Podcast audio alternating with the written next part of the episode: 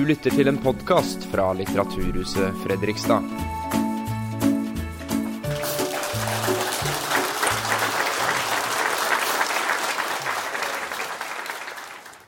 Hallo! Velkommen til Litteraturhuset. Jeg heter Anne og jobber her på bygget. Eh, Silkeveien knyttet Østens og Vestens rike sammen, og nå blåser stormaktene liv i handelsruten igjen. Kjetil Dragnes er tidligere utenriksredak utenriksredaktør og korrespondent for Aftenposten, og, i, og i kveld er han vår reiseguide. Gi han en varm applaus.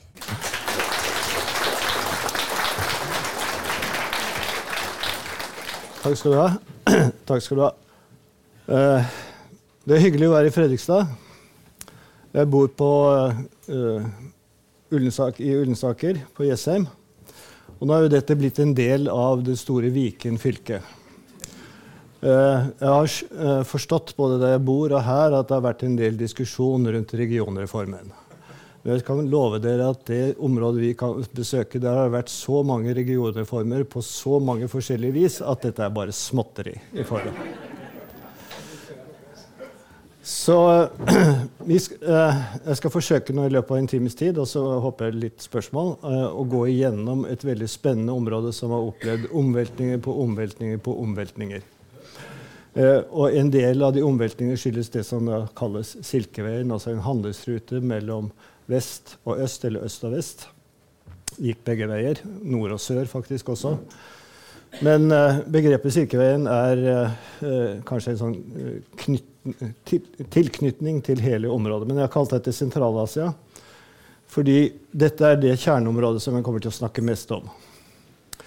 nå har jeg tatt frem dette kartet her fordi, bare for å vise Det kommer et kart litt senere også vise et eh, kjempesvært område som delvis har blitt kalt Sentral-Asia, delvis Mellom-Asia, delvis Nord-Asia osv. osv. Det er fem forskjellige land.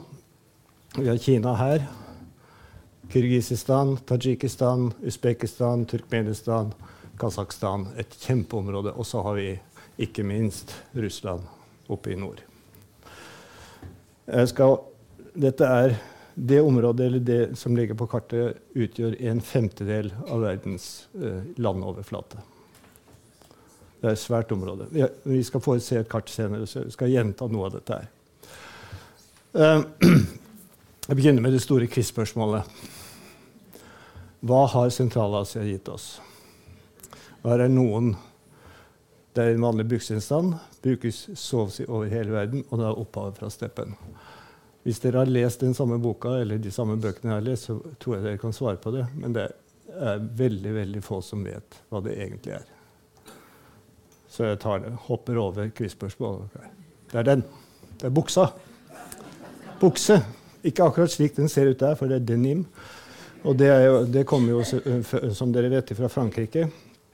Men eh, det er altså buksa er, har opphavet på steppen. Og hvorfor har det det? Slik så det ut.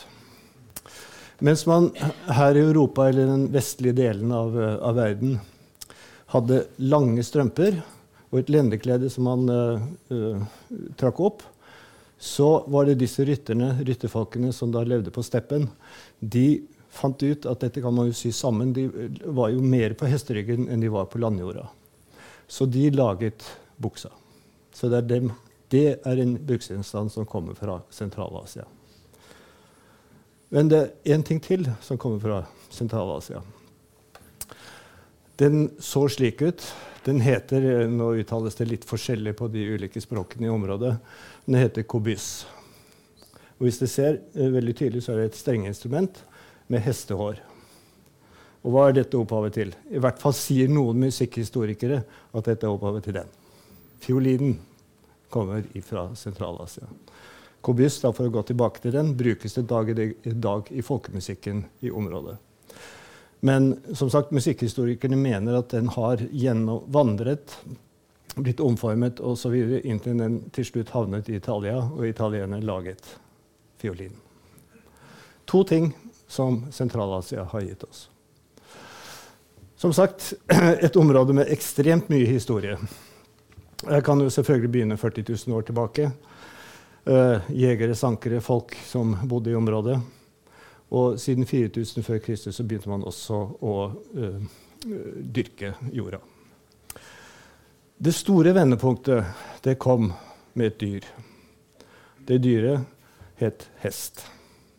Dere har sikkert hørt om prusjevalske hester, altså, uh, som uh, oppkalt etter en, uh, en, en polsk forsker. en villhest som, som, fortsatt faktisk lever i områdene i den østlige delen over mot Mongolia. Men hesten ble temmet av disse folkene for så også omtrent 4800 før Kristus. Og det, hesten var det viktigste de hadde. Hesten ga både uh, mat, den ga uh, klær, og den ga ikke minst transport. I tillegg så kom det da etter hvert sau, storfe og geiter, som de da brukte, eh, disse nomadene brukte og kunne dra med seg når de vandret over steppen og opp, både horisontalt, dvs. Si fra område til område uh, på den måten, eller vertikalt oppover i høyden ettersom det ble umulig å leve ned på steppen på, i sommervarmen. Men hesten er ekstremt viktig. Og hesten er så ekstremt viktig at den også førte til de store folkevandringene og de store endringene som vi har merket den dag i dag, kan faktisk merke den dag i dag, også her i Europa. Det var to ting. Hesten var transporten. Og den andre militærteknologien var den såkalte komposittbuen. Det høres jo veldig rart ut, men en bue som da var laget av forskjellig materiale og var ekstremt sterk, eh, og som de da, disse rytterfolkene kunne ta med seg uh, i fart uh, de, var, de, hadde mobilitet, og de hadde ildkraft. Dette var en revolusjon i krigføringen da de fikk komposittbuen i tillegg til hesten. Etter hvert så ble disse nomadene mer og mer organisert. De ble krigersamfunn. Ethvert krigersamfunn trenger en organisering. Uh, og disse nomadene ble da de, de, levde jo ikke i det vi i dag for, forbinder med vanlige stater. Det var klaner, familien, klan, stamme som betydde noe, og ikke minst sjefen selv. Så der er den ene delen av uh, uh, området, nomadene. Og så hadde vi oasebyene, og de kommer vi tilbake til. De oasebyene, områdene, Dette er et veldig tørt område, men oasene der de da hadde eh, tilgang til vann, der drev man jordbruk, man grev gruvedrift, man fremstilte metaller som man da byttet til seg med nomadene. Og det de egentlig da gjorde, nomadene og de uh, faste boende, de levde i en slags symbiotisk forhold. Eh, de vekslet med å krige med hverandre og bytte med hverandre alt etter sånn det passet dem. Som sagt, regionreformer var det en del av. Eh, jeg har skrevet opp her eh, Det var i løpet av hele den tiden, si, rundt 1500 år før Kristus og fremover til vår tid, så er det to språkgrupper som har slåss, eller som har samlet uh, seg, og som i det hele tatt har uh, blandet seg på veldig mange måter. Den ene har fått overtaket etter hvert. Det ene er de indoeuropeiske språkene, og det andre altaisk. Det iranske, uh, som fortsatt snakkes iranske språk, ikke minst selvfølgelig i Iran, der det heter persisk eller noe annet, eventuelt andre språk, de var de første som settlet området. Men fra rundt 500 eh, år etter Kristus så kommer det en ny folkegruppe østfra. Eh, de kalles turk. Altså, det er veldig vanskelig i dag, vi har, vi har hørt så mye om Tyrkia, selve Tyrkia og Anatolia, som er blitt en egen stat. Men tyrkiske språk, uh, tyrk, snakkes i hele det store området. I løpet av disse 1500 årene det en, har det vært en lang lang assimilasjon mellom disse to språkene. Og det har vært mange folkevandringer, og nye etnisiteter har oppstått pga. denne blandingen. Noen, har, noen, ganger har de slaktet hverandre, noen ganger har de giftet seg med hverandre, og noen ganger så uh, har de uh, gått opp i en form for høyere enhet. Og så har vi selvfølgelig islamiseringen islam kom inn med de arabiske erobrerne på 700-tallet. Og islamiseringen av de som jeg kaller for tyrknomader, altså ikke tyrkere, Men de tyrkisktalende nomadene det begynte for alvor på 900-tallet. Og det er vel sånn at I dag så forbinder vi veldig mye med Sentral-Asia med den islamske arv. Men det er en lang, lang historie før det også. Uh, er, her er bare noen av dem som uh, drev regionreform. Alexander den store. Uh, forholdsvis kort tid. Han døde jo da han var ganske ung. han døde da i 329 før Kristus. Han krysset den store elven Amudaria, eller Oksus. Og dag, fortsatt så kaller man faktisk dette området Transoksiania etter den greske betydningen. Så har vi Djengis Khan, som selvfølgelig alle har hørt om. Egentlig het han Temujin. Uh, og det, hans rike, eller hans etterkommere hersket frem til 1368. De kalles djengisider, for det var veldig viktig. Det var kun etterkommere av Djengis Khan som kunne bli ledere i dette store området. Men de splittet seg opp i forskjellige. Så har vi Timur Lenk, eller Timur den halte. Hans etterkommere blir kalt timuridene. Disse har slåss djengisider, og timurider har slåss seg imellom. Uh, jeg nevnte araberne fra 700-tallet utover, uh, og innføringen av islam, som da også fikk betydning for det som i dag er Iran og Persia, som da fikk én form for islam, men beholdt sitt persiske språk. Det gikk ikke over til tyrkisk. Det gikk heller ikke over til arabisk.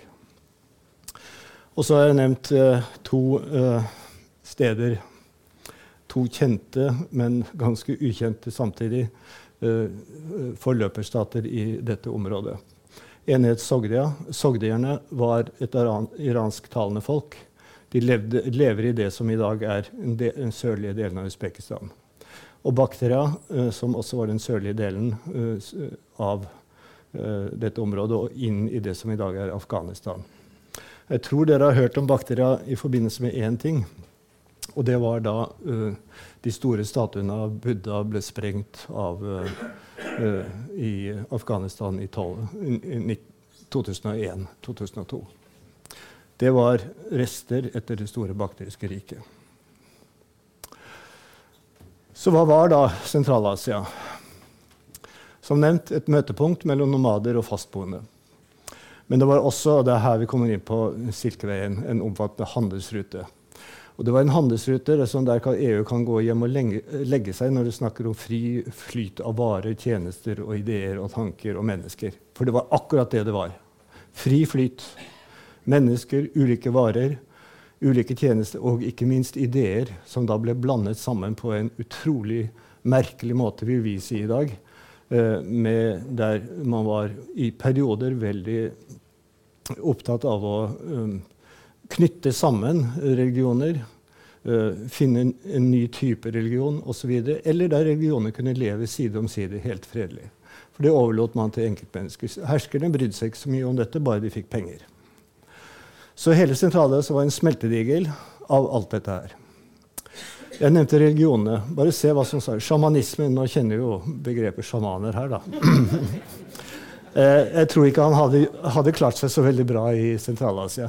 Men en del av disse sjamanene brukte f.eks. denne kobusen som vi viste, dette for å, å sette seg i eh, en viss stemning, og ikke minst eh, få tilhørerne til å tro at de hadde magiske egenskaper. At de kom døpe seg om eller skape seg om til å bli dyr, f.eks. Ulver var veldig viktig å kunne spake seg.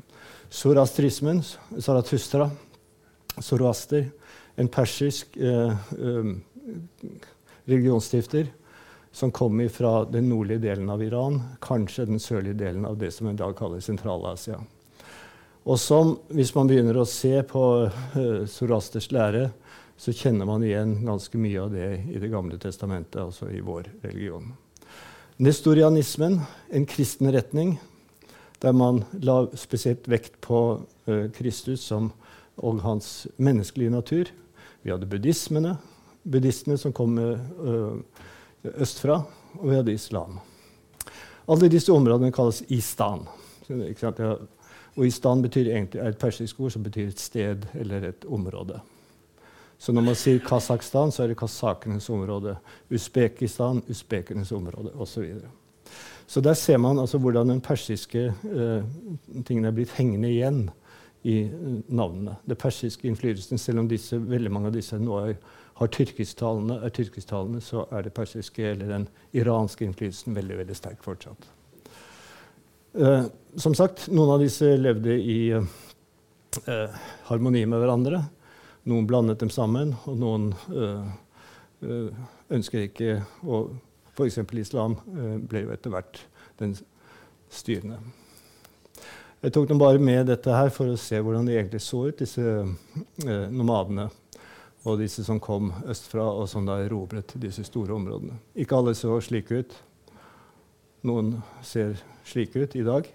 Dette bildet er hentet fra dagens Mongolia, men det er akkurat sånn det er. De lever fortsatt på hesteryggen som nomade. Det gjør de ikke så veldig mye i den sentralasiatiske delen, men det skal jeg komme tilbake til, og det skyldes sovjettiden. De fastboende, og ikke minst kineserne, som da samme, uh, hadde nærkontakt med dette området veldig, veldig lenge, de kalte disse områdene for barbarer. De var barbarer, ikke sant? De kom fra steppen, de levde på hesteryggen, de var kledd i skinn. Uh, det var ikke noe antiskinnbevegelse den gangen. Uh, de var kledd i skinn. De drakk gjæret hoppemelk, som heter kumis. Smaker forferdelig. Og de spiste kjøtt som de da, noen påstod de hadde ligget under salen å, mens de red, for å gjøre den myk og, og, og brukbar til å spise. Men dette, altså en, dette kalles Den gylne mannen fra Kasakhstan. Det er en liten statuett som da ble funnet i en arkeologisk utgravning. Noen mener at dette faktisk ikke er en mann, men en kvinne. og det, Grunnen er det flotte hodeplagget. Det ser ut som en påfugl helt øverst. Men det altså viser i hvert fall en høytstående person. Og det viser at disse høytstående personene i det nomadiske samfunnet de hadde tilgang til gull. De likte å pynte seg. Det har mennesker alltid gjort. De likte å pynte seg, og de ville vise sin status gjennom gull, eh, broderier osv. Så, videre. så de var kanskje ikke så barbariske som uh, uh, kineserne og de andre fastboende ville ha det til.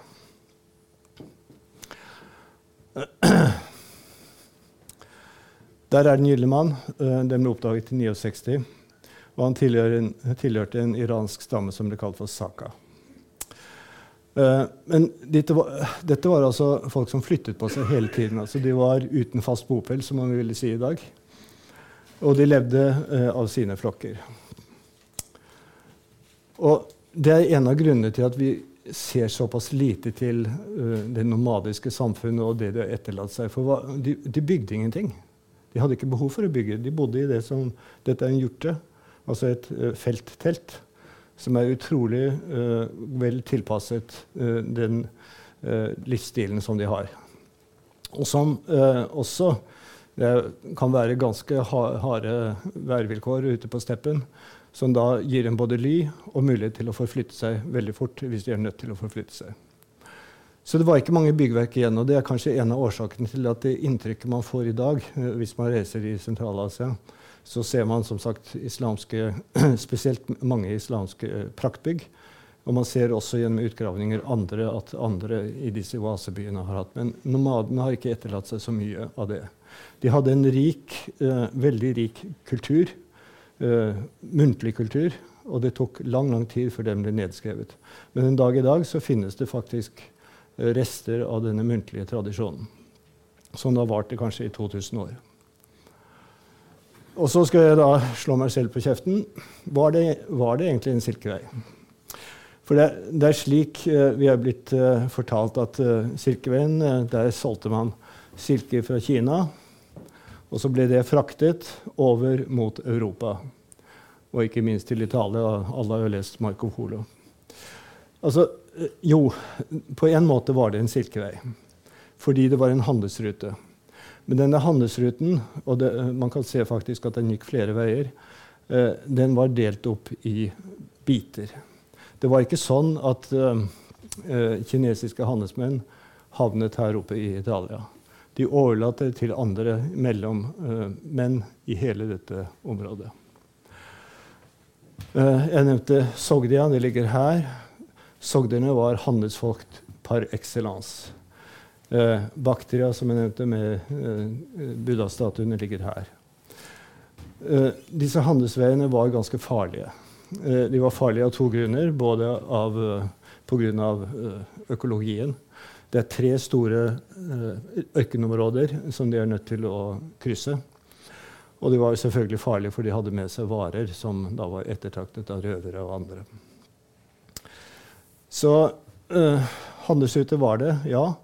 Uh, nå kan vi komme litt tilbake til uh, hvorfor Silkeveien til syvende og sist ikke ble noe mer av. Det er jo pga. også teknologiske og andre typer endringer. Men det var en handelsrute, og på denne handelsruten ble det også handlet på selve ruten. Det var ikke bare sånn mellom Kina og Europa eller Europa og Kina, men det var mellom. Og det var mange typer varer som ble fraktet denne veien. Von Richthofen det var han som egentlig eh, en tysk forsker som da i 77 eh, laget begrepet Silkeveien.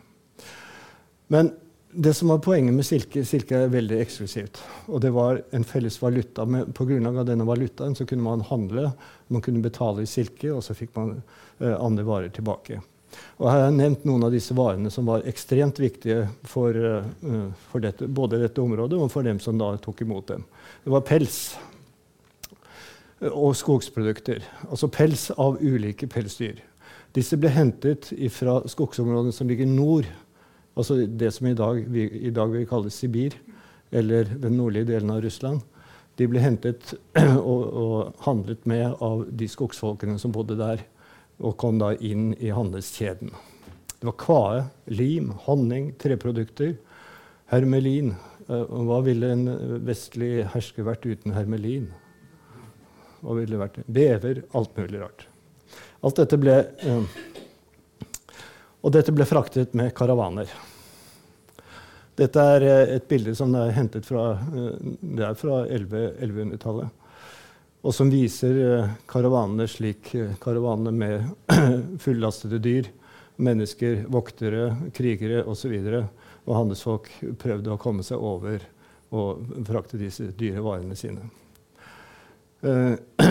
karavanene var jo Det var jo veldig mange av disse karavanene som hadde kameler, fordi at kamelene klarte seg veldig, veldig godt i disse tørre områdene. og ikke minst. Men ikke alle klarte seg like bra, så det, vel, uh, det finnes nok fortsatt en dag i dag rundt av disse økenområdene rester av karavaner, både mennesker og dyr, som ikke klarte seg. Slik så sannsynligvis Djengis Khan ut. I dette området da, som jeg nevnte, så har det vært uh, ulike epoker. Djengis Khan um, er en av de siste erobrerne som da også påvirket selvfølgelig hele Europa. Han var opprinnelig en hestetyv og en røver. Men han samlet mongolene som i dag bor, bodde i det som i dag er det ytre Mongolia, eller indre Mongolia i Kina. Eh, mongolene var eh, egentlig bare ulike stammer som ikke klarte å styre, som slåss innbyrdes. Men uh, Djengis Khan, eller Timujin som han het, klarte å gjøre, det var å gjennom organisere hele dette samfunnet, hele dette klansamfunnet. Han delte det opp på en helt annen måte. F.eks. han organiserte hær på en sånn måte i ti, ti enheter. Først ti, så 100, så 1000 osv. Dermed så brøt han ned klanstrukturen og fikk eh, mongolene til å bli som en eneste stor, eh, en eneste stor hær. Eh, Djengis Khan og hans eh, inntog i Europa Han jaget en del av disse folkeslagene som var uh, på området foran seg, langt inne i Europa. Og det var vel egentlig bare en tilfeldighet som gjorde at da han ble syk og døde i 1227, at ikke han hadde tatt hele Europa. Han ble nesten stanset i Ungarn, men uh, bare nesten. Og så begynte jo da, som det alltid er når du har én stor leder, så kommer det en periode etterpå der man deler opp riket. Og nettopp fordi, som jeg nevnte, at uh, mongolene og disse nomadene uh, var opptatt av en stor, kraftig, sterk leder. Og denne store, kraftige, sterke lederen, ja, han, det var hans slekt som skulle videreføres. Men de hadde ingen suksesjon, som det heter så fint. Altså, de hadde ingen, e, egentlig ikke noe godt system for hvem som skulle overta. Så dette ble splittet opp, og de begynte å slåss seg imellom. Og dette førte da til alle disse store indre spenningene. Jeg, jeg går veldig raskt gjennom dette her, fordi det er temmelig komplisert hva som skjedde. Men det opphavet til den store um, Dette er det første store imperium faktisk, som strekker seg fra Europa til Asia. Men det var oppgave til den nedgangen også til, uh, til djengisidene fikk etter hvert. Og så kom denne mannen. Uh, Timur uh, sies var halvt, det er derfor han heter Tamerlane, den, uh, Tamerlane, eller Timur den halte. Så nå ble det neste store hersker. Og han eh, ser ganske grusom ut, og det var han òg. Uh, Timur uh, samlet, uh, samlet, makten i sine hender. Og han gjør russerne Dette er noe som russerne ikke liker å høre i dag. Da. I hvert fall ikke i Moskva. Dmitrij Danskoj altså, var en fyrste av Moskva. Han var ekstremt flink som skatteoppkrever for eh, mongolene. Og det var pga. det han fikk lov til å være i fred. Han kunne betale seg ut. og det, det, var jo det de var interessert i. De var interessert i penger og, og rikdom. Eh, gjennom sin store skatteinnkreving og fordi han holdt seg lojal i veldig lang tid, så klarte han å bygge opp Moskva-staten som en makt eh, utover på 1200-1300-tallet. 12 uh, men han prøvde seg én gang, slaget ved Kolikovo i 1380. Dette er kjent, veldig kjent i russisk historie. S sies nok på en litt annen måte i dag, men uh, han tapte det slaget. Og uh, Timur han tapte da mot en fyr som het Toktamish, er ikke så viktig. Men Timur overtar etter Toktamish, og så blir Timur den store helt. Og Danskoj, Dmitrij Danskoj klarer å betale seg ut av situasjonen og fortsetter å bygge opp Moskvas makt under. Mens uh, Timur uh, han hadde et kjempeområde å styre over. Uh, han var opptatt med veldig mange andre ting. Og som jeg sa, Timur var ikke noen humanist. Men han var veldig motsetningsfull fordi han var veldig interessert i både kunst og kultur. Og han knyttet til seg folk som da både forfattere, sangere, dansere osv. Og, så og var veldig opptatt av å få vite og, og få kunnskap. Men samtidig så hadde han jo ingen uh, problemer med å ta livet av folk. I løpet av hans periode så ble 17 millioner mennesker drept. Når vi tenker på hvor, hvor, få mennesker det egentlig levde i verden, hele verden på den tiden, og ikke minst i dette området Det var altså 5 av verdens befolkning tok han livet av. Det sier jo litt. Men som sagt, veldig, eh, veldig interessant fyr, for han var jo opptatt av det. Han hadde sikkert seg her på Litteraturhuset.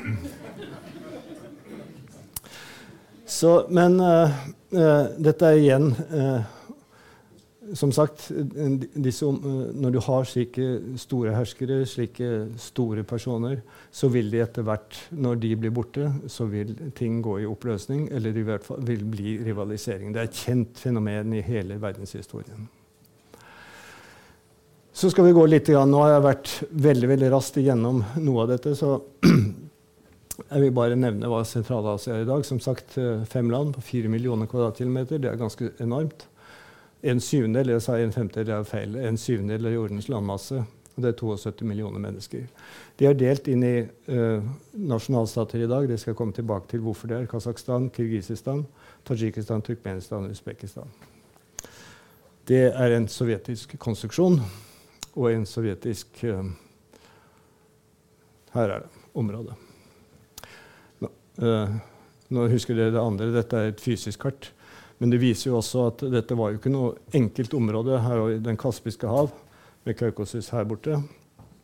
Og uh, vi har som sagt uh, en stor ørken her og en stor ørken her, her borte. Og så går vi den siste ørkenen, som vi ikke ser ved Kina. En del av virkningen av disse folkeforflyttingene det, det kan vi faktisk se i dagens politikk. Og det er uigurene som bor i Xinjiang-provinsen i Kina, og som undertrykkes på det sterkeste av det kinesiske regimet. Det har en historisk betydning fordi For å ta uh, Genghis Khan. Genghis Khan var en kriger, men han var ikke så veldig opptatt av å uh, føre bøker. Bokføring var ikke hans sterke side. Men han brukte uh, uigurene, som bor i dette området her, dette området, brukte dem som uh, både handelsfolk og som uh, slags forretningsførere for sitt store rike. Og det, var, det førte til at uigurene fikk en spesiell stilling i hele denne perioden. Mens Kina presset da på altså det som heter han-kineserne, altså det vi i dag ville kalle vanlige kinesere, med Beijing i spissen, presset seg inn i dette området etter hvert. Kina har hatt en viss betydning, en ganske stor betydning i perioder, men eh, ikke så veldig mye i den nordligste delen. Der var det eh, tyrk og det persiske eller iranske som sto og sloss mot hverandre. Uh, dette er de kjente byene langs uh, uh, Silkeveien, i hvert fall i sentrale. Altså det er mange kjente byer langs Silkeveien. Og Silkeveien strakte seg jo helt inn i Europa. Så vi har f.eks. i byer som da ligger ved elver eller kjente steder der det er mulig å ta seg frem. De, de, finnes jo uh, også lenger øst, men dette er de kjente, viktigste byene som også har vært kulturbærere i hele området. Jeg nevnte denne diskusjonen mellom nomader og de fastboende. Samarkand, Bukhara, Khiva, Tashkent og andre. Er, uh, man hadde ikke så veldig mye sansen for uh, ting som var bygd opp. Man rev det ned, erobret, ødela det osv. Men det skjedde gang på gang på gang gjennom disse tusen årene, eller to, eller, ja, to og et halvt tusen årene. hadde skjedd gang på gang. Uh, men de ble ødelagt. De gjenoppsto, ødela igjen. Nye erobrere gjenoppsto. Og de ble, var og ble, forble sentra for lærdom, kunnskap og vitenskap. Uh, nå kjenner vi nok mest de muslimske eller islamske um, lærerne som da gjorde, gjorde, disse områdene kjent. Jeg skal komme inn på dem etter hvert. Men etter hvert, eh, la oss si utover 1300-1400-tallet og så nedover, så gikk det faktisk nedover. Islam, som da eh, etter hvert hadde overtatt som den viktigste religionen, ble mer og mer ortodoks. Det ble stillstand i kunnskap og vitenskap. Og det var indre stridigheter. Og så kom da det som jeg prøvde å vise i sted nye handelsveier som da gjorde at Silkeveien over land ikke lenger var så viktig. Og hvem var det som ødela det? Jo, det var Vasco da Gama, portugiseren som, kom, som uh, seilte sør for Afrika og til India. Da fikk man sjøveien 1497. Og et, når man har sjøveien, det er mye lettere å, å frakte varer langs sjøveien enn det er å frakte det landeveien. Mye billigere, ikke minst. Så Vasco da Gama og hans oppdagelser eller uh, nye rute førte til at handels, handelsveien ble mye min, mindre viktig. Dermed så uh, akselererte jo nedgangen, den økonomiske nedgangen, samtidig som det ble stillstand i uh, kunst og kultur. Dette er jo en av de mest kjente Egentlig het han Ibn Sina, men her i Europa er han blitt kjent for Avicenna lege. Han var en polyhistor, som det heter. Han, kunne, han, hadde absolutt alle kunnskaper om alle mulige slags vitenskaper. Han livnærte seg som lege. Eh, han var nok en fritenker, holdt vel på å bli uh, tatt av dage fordi han, hans uh, syn ikke var helt i overensstemmelse med den muslimske teologien. Men han kurerte en av herskerne for en sykdom, og det førte til at han fikk leve. Og han livnærte seg rundt omkring, samtidig som han da Uh, sjekket og kontrollerte og undersøkte medisin og diverse andre ting. Uh, Avicenna Ibn Sina er faktisk den første empiriker i, uh, som vi kjenner til i historien. Han, han bygde ikke bare på forestillingen, han undersøkte, og pga. empirien på de funnene han hadde gjort, så laget han. Og han laget en lærebok i medisin som faktisk kan brukes den dag i dag.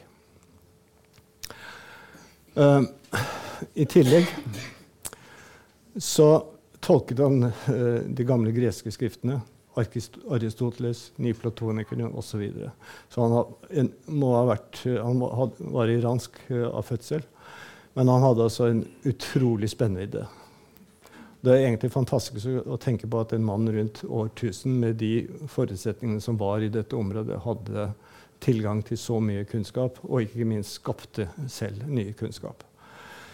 Medisinens kanon som sagt, ble jo brukt uh, som lærebok i medisin uh, til langt opp i vår tid. Og det er vel fortsatt elementer der som kan brukes av moderne uh, medisinere.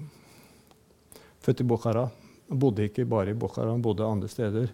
Han var en slags sånn eh, hoff, Ikke hoffnarr, det, det, var han slett ikke. Men eh, han var en som eh, kunne være ved hoffet, en, en rådgiver osv., og, og som da kunne knytte seg til en hersker, og som da kunne leve seg og undersøke alle disse tingene som han selv gjorde. Uh, Samarkand i dag, som jeg sa, uh, byggverkene, de fantastiske byggverkene som da noen har vært ødelagt av jordskjelv i dette området. Det har vært stadig vekk jordskjelv. Noen er bygd opp igjen. Uh, Timurs uh, Gurem Amir Timur, Timurlenk. Uh, et mausoleum over ham. Og typisk arabisk inspirert. Det er ingen bilder, ingen bilder av mennesker og dyr. Bare ornamenter. Bukhara, en av de andre oasebyene, som i dag også uh, er veldig uh, preget av den islamske arkitekturen. Men den kom altså som sagt forholdsvis seint. Glem ikke alt det som skjedde i perioden lenge før uh, islam og den arabiske innflytelsen kom. Mye av dette som var før, er blitt borte, men nå har de jo drevet masse utgravninger der de fant Den gylne mannen, f.eks. Så de har jo da sett at de har en veldig, veldig lang, lang historie bak seg. Kiva nok en gang er en, en madrasa, altså en koranskole. Vakre, flotte bygg og preger jo uh, oasebyene i dag. Slik var nok ikke alltid oasebyene tidligere, men de hadde uh, både delt inn i ulike deler. En religiøs del, der herskerne bodde, der vanlige folk bodde, der skomakere bodde og osv. Delt inn på en måte som man faktisk kan se har vært ganske vanlig helt opp til vår tid i mange steder. Delt, delt opp etter yrker. Tasjkent, hovedstaden i dag i Usbekistan. Også en av de gamle oasebyene, men den ble totalt ødelagt i 1966 i et stort jordskjelv. Og er bygd opp igjen. Så det er en veldig moderne sovjetisk by. Uh, TV-tårnet dere ser, er veldig sånn typisk sovjetisk konstruksjon. Og så er det kommet nye høybygg som da uh, er et, fra etter sovjetisk tid. Så, men Tasjkent uh, er en veldig, veldig viktig del av, uh, av de gamle, den gamle Silkeveien, eller i hvert fall de gamle handelsrutene. Så må vi ikke glemme Russland, da. Fordi at Russland og Russlands påvirkning den merker vi den dag i dag i området. Og det var egentlig de som begynte den store regionreformen. Eh, Russland, med Dmitrij Donskoj, som jeg nevnte så vidt igjen, begynte å presse seg østover, men litt nord for dette området som vi har sett på kartet. Litt nord, Vi så det bare oppi der som en sånn grå. Der det Stor-Russland. Kanate, Kazan, var en utløper av timuridenes liv. Men det ble tatt i 1552. Jeg skal vise hvor, hva, hvordan man uh, senere Ja. Jeg kan vise det med en gang. Denne kjenner dere, ikke sant? Det er Kazan-katedralen, egentlig, eller uh, som den egentlig heter i Moskva, på Den røde plass. Og Den ble jo da bygd til minne om at man hadde tatt dette kanatet, uh, og russiske robinger hadde gjort det. Det påstås jo, men det påstås jo veldig ofte at uh, tsaren Ivan den grusomme blindet uh, arkitekten for at han ikke skulle bygge noe tilsvarende verk senere. Det kan godt være, men det, den historien går igjen med en del herskere, så de har kanskje gjort det. mulig. Uh, deretter, etter at de krysset over Ural i nord, nord for dette området, så trengte de lengre, lengre østover i Sibir. Og så begynte de å trenge sørover. Og dermed så ble uh, Russland, eller russiske imperium, det raskest ekspanderende imperium i verden. Uh, jeg nevnte jo at den, i den perioden, 1400-1500-tallet, var uh, styret i Sentral-Asia Silkeveien var ikke så viktig lenger. de styrene slåss seg imellom. og det var en sterk nedgang. Sånn at russerne hadde mye større sjanse for å nå frem med sin moderne teknologi og ikke minst uh, sin uh, måte å uh, organisere ting på. Ivan 4., det er Ivan den grusomme, som vi kaller ham. Ivan Grosny, som vi kanskje også vil På russisk sier man er ikke han er ikke den grusomme. Det var han nå, da. Men Grosny kan også bety en truende. Han var en meget truende person. Og de Uh, Jermak, uh, som jeg har nevnt her, er også en sånn kjent uh, historisk skikkelse i, i, russisk historie. Han var en kosakkhøvding som da hadde muligheten til å krysse over Ural. Og så krysset de videre over. Fra 1552 over Ural, østover, østover og nådde Stillehavet i 1640.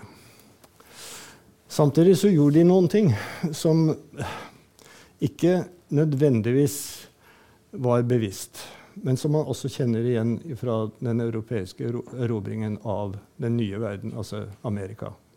De dro med seg sykdommer som den lokale befolkningen ikke hadde motstandskraft mot. Vi skal kanskje være litt forsiktige med å snakke om sånt her i dag, da. Men kopper, kopper det var jo uh, det, det, er faktisk nevnt at noen av disse bevisst brakte med seg kopper og smittet den lokale befolkningen for å, å ta livet av dem. Men sannsynligvis var det i de aller fleste tilfellene bare at de var syke av kopper, og de hadde altså ikke koppervaksine. Det fantes jo ikke, og de hadde ingen motstandskraft. Det bidrar jo da også til uh, at russerne hadde lettere adgang til å erobre hele dette store området. I dag ville man kalt det biologisk krigføring. Uh, de støtte mot Kina i øst og fikk en traktat der de uh, trakk grensen i 1727. Og siden har denne grensen vært mer eller mindre den samme. Mer eller mindre, sier jeg, men vi, det har vært uh, litt krangel og diskusjon og krig om det. Men stort sett så har det vært i, i denne tiden. For å trekke dette da inn i vår tid. Russland først, Tsar-Russland og Sovjetunionen ekspanderte østover og sørover. Og den siste store ekspansjonen uh, som det russiske riket foretok, det var fra midten av 1800-tallet. Det var ikke bare eh, østover, det gikk også sørover. Noen her har vært med på tur til Kaukasus og vet at det var akkurat det russerne gjorde på 1800-tallet. Erobret Kaukasus også området. Der støtter de på en annen imperiemakt, i Afghanistan. Og dette ble da i historien kalt The Great Game, den store spillet. Og det var vel noen som skulle ha innflytelse, om det var Storbritannia eller Russland. Uh, vi kan godt si at russerne vant den kampen. De moderniserte, for de hadde uh, området på sin egen måte. Og de flyttet inn store russisk eh, store, Mange mange russere ble, ble bokstavelig talt flyttet inn i området. Eh, nå, nå er det, vil det føre for langt å ta alle de krigene og diskusjonene som har vært. Men etter hvert så utviklet det seg da en viss form for nasjonalitetsfølelse også i disse områdene bas delvis basert på islam som en felles uh, ideologi mot uh, de vantro russerne. Og det var borgerkrig, og det var nasjonalistiske bevegelser. Men Russland hadde hele tiden overherredømme og klarte å holde på overherredømme. Så kommer da borgerkrigen etter den russiske revolusjonen, eller la oss si eh, bolsjevikenes revolusjon. Eh, og da eh, er det vår kjente kamerat Stalin som tar visse grep. Og det er han som driver den store regionreformen.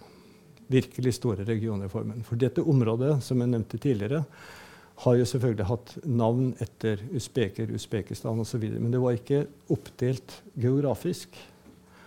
Det Stalin gjorde, var å delvis dele området geografisk etter hvor folkeslagene bodde. Men, som han også gjorde andre steder, så fulgte han ikke alltid disse eh, nasjonale eller etniske skillelinjene eller språklige skillelinjene. Slik at det etter hvert ble et lappeteppe av ulike overlappende uh, identiteter. Og dette førte da til uh, store problemer, for å si det mildt. Uh, kollektiviseringen, som ble gjennomført også i den russiske delen altså den europeiske delen av Russland, fikk ekstremt stor betydning for et nomadisk folkeslag som bodde der, og som da plutselig skulle tvinges etter å ha hatt en nomadisk eh, leveform i over 2000 år, skulle plutselig bli tvinges inn og bli fastboende. Mange tok, og det er en av de veldig ukjente historiene, mange tok alle flokkene sine og forlot hele området og flyktet i eh, titusenvis over til naboland i sør, bl.a. til Afghanistan, for å unnslippe kollektiviseringen.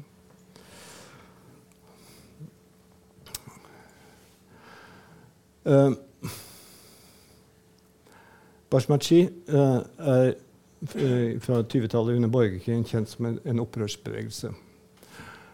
Uh, jeg har tatt med ett navn som er litt sånn spesielt. da. Enver Pasha er tyrker. Og han var en av de tre pashaene som styrte det kalles ungtyrkere, som styrte det tyrkiske riket etter Kemal Atatürk. Eller før Kemal Atatürk. unnskyld. Og Enver Pasha er en uh, for å si det veldig pent omstridt person i historien. For det var han og hans to medkumpaner som styrte det store folkemordet mot armenerne i 1915 og utover.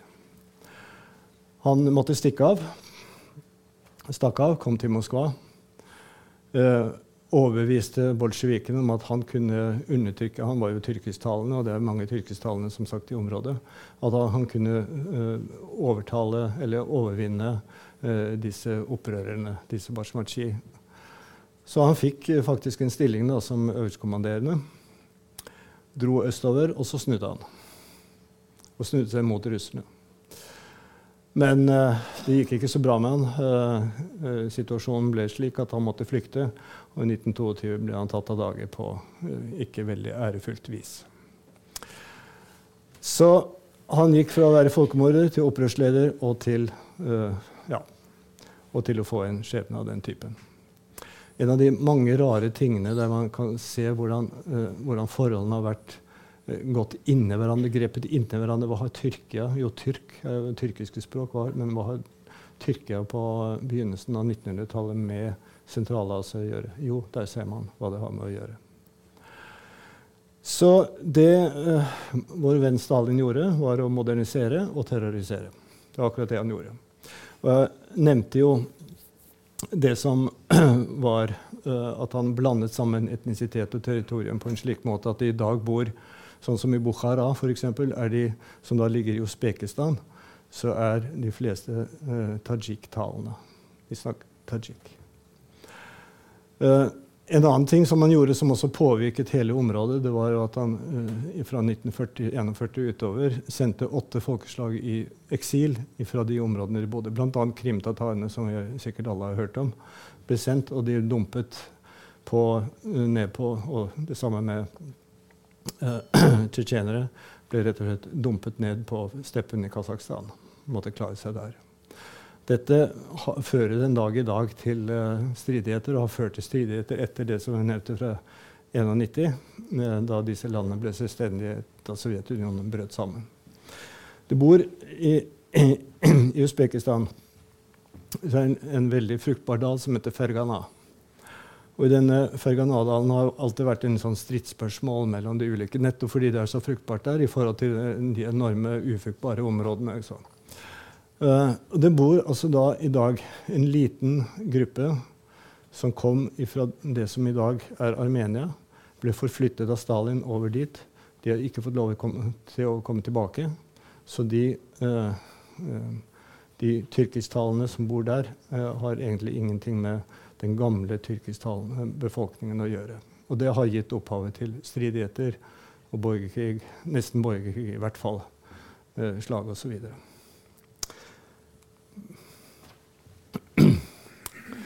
Dagens situasjon, for å avslutte med den, da, er jo litt ulik. Det er fem land som både er like og ulike. De har ikke hatt den helt store utviklingen, for å være helt ærlig, i hvert fall ikke i demokratisk retning. Men de for, forsøker i hvert fall å uh, legge noe av uh, den gamle historien bak seg, uh, samtidig som de forsøker å se fremover, samarbeide der de kan, og der de har noe felles. Så det er mulig at, sånn som det sto i, at det kan bli et nytt Great Game, men det er mellom Russland og Kina. Det er store, og dette er igjen sovjetisk arv store økologiske problemer i området. Jeg Vet ikke om dere har hørt om alle disse atomprøvene som ble foretatt. Det var i ørkenen ute i Kasakhstan, helt over i øst, semipalatinsk, der man da smelta av den ene hydrogen- og atombombe etter den andre. Og så har vi Aralsjøen, som er i ferd med å bli helt borte. Og så nevner jeg bomull. Hvorfor nevner jeg bomull? Aralsjøen, bare for å ta det som et eksempel på de økologiske problemene. Den var en gang 68 000 kvadratkilometer to store elver som rant inn. Men fra eh, 50-tallet utover så satte man i gang et voldsomt sovjetisk storprosjekt. Og det var jo typisk Sovjetunionen. Man likte å ha de store prosjektene.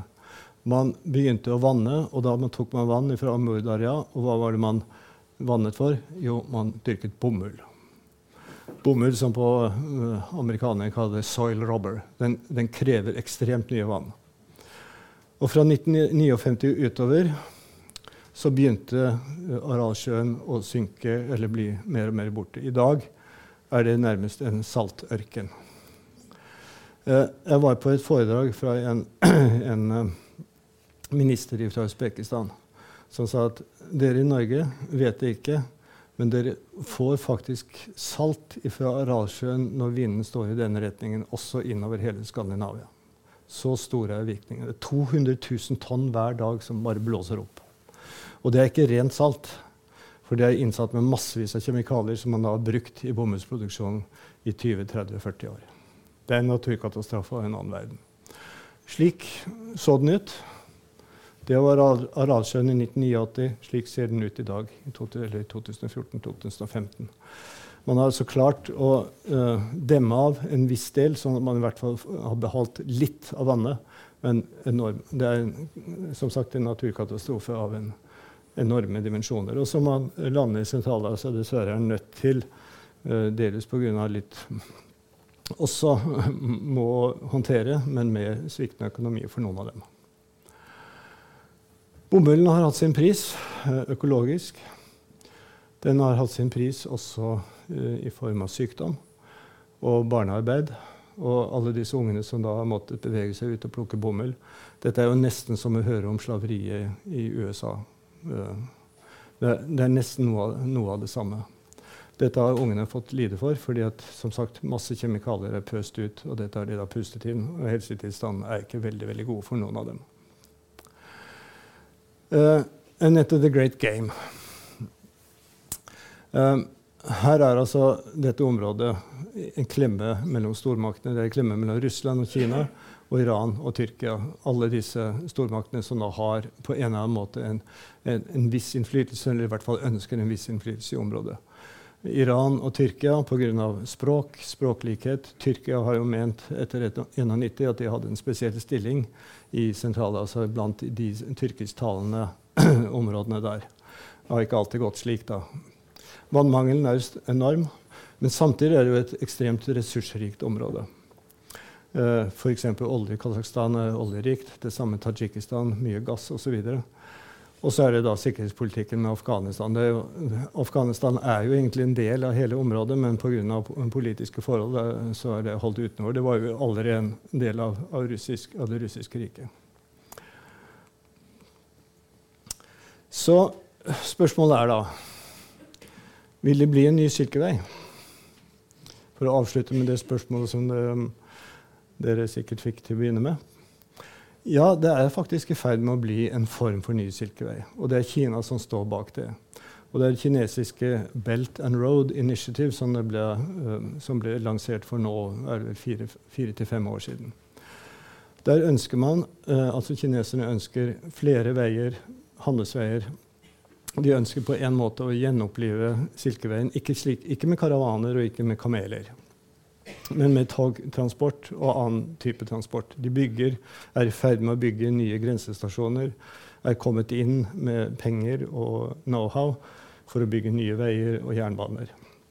Samtidig så utvider de den sørlige handelsruten, og dvs. Si altså gjennom Det indiske hav over til Europa. og så det som kanskje vi er litt opptatt av, den nordligste delen, altså nord for Russland, i det som er uh, sør, Sørøstpassasjen. Nordøstpassasjen, unnskyld.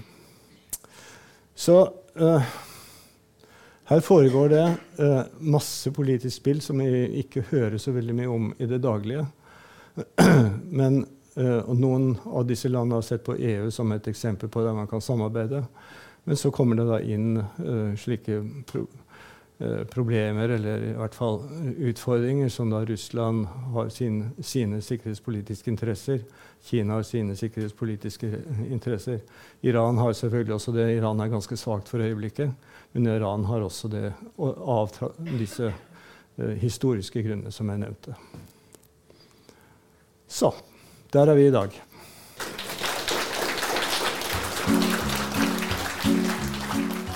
Nå har du hørt en podkast fra Litteraturhuset Fredrikstad. For mer informasjon, klikk deg inn på litthusfred.no.